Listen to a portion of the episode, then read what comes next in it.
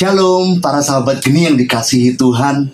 Berjumpa lagi dengan saya Riki dari Persatuan Doa Yesus Gembala yang Baik Paroki Santo Yosef dan Pasar Bali. Pertama-tama saya ucapkan terima kasih untuk kesempatan yang telah diberikan. Pada hari ini kita akan berbicara tentang Jangan takut. Setelah kita sama-sama membaca bacaan Injil pada hari ini Yang diambil dari Matius bab 28 ayat ke-8 sampai dengan 15 saya menemukan kenyataan yang sungguh membuat saya kaget ya. Ternyata yang namanya hoax sudah ada sejak zaman Yesus. Dikatakan bahwa para serdadu yang menjaga makam Yesus telah mengetahui kebenaran bahwa Yesus benar-benar telah bangkit. Namun, apa yang terjadi? Para serdadu tadi disuap sejumlah besar uang untuk memberitakan berita bohong atau sekarang disebut hoax tadi ya. Mereka menyiarkan berita kepada orang-orang Yahudi bahwa murid-murid Yesus telah datang di malam hari dan mencuri jenazah, jenazah Yesus. Para serdadu ini mungkin kalau uh, di zaman sekarang ini namanya itu baser gitu ya. Jadi kita ngetrennya baser gitu. Nah, para sahabat gini yang dikasihi Tuhan, di saat sekarang ini di media sosial kita masih sering menemukan adanya berita hoax yang telah dibuat oleh sekelompok orang dengan tidak bertanggung jawab demi kepentingan pribadi maupun golongan. Dan yang sangat disayangkan, begitu banyak orang yang percaya bahwa berita hoax ini adalah sebuah kebenaran.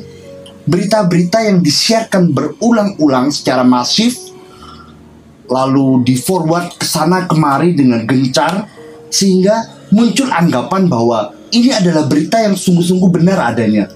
Apalagi ya terkadang jempol kita ini juga sering kehilangan kendali. Terkadang beberapa atau banyak di antara kita yang ikut-ikutan mengforward berita-berita bohong tadi tanpa mengecek kebenarannya terlebih dahulu. Dan ternyata lagi-lagi Hal ini juga sudah terjadi ternyata sejak zaman Yesus. Bahkan dikatakan tadi ya pada ayat ke-15 dan cerita ini tersiar di antara orang Yahudi sampai sekarang ini. Luar biasa. Ternyata kekuatan dari cerita bohong ini luar biasa sampai sekarang ini. Membuat begitu banyak orang tidak percaya bahwa Yesus benar-benar bangkit. Namun saya yakin dan percaya bahwa kita semua dan para sahabat gini yang dikasih Tuhan yang menyaksikan renungan pada hari ini bahwa kita semua mengimani bahwa Yesus sungguh benar-benar hidup. Yesus sungguh benar-benar bangkit. Walaupun saya tahu kita tidak satupun yang melihat kebangkitan itu. Tapi kita mau fokus, kita mau lihat bagaimana para murid yang rela menderita, bahkan sampai dibunuh karena percaya dan terus memberitakan sebuah kebenaran bahwa Yesus telah bangkit. Para sahabat gini yang dikasihi Tuhan, mari bersama-sama kita mau meneladan para murid. Walaupun dengan segala kerapuhan dan kelemahannya, para murid tetap berani untuk mewartakan kabar keselamatan kabar kebenaran.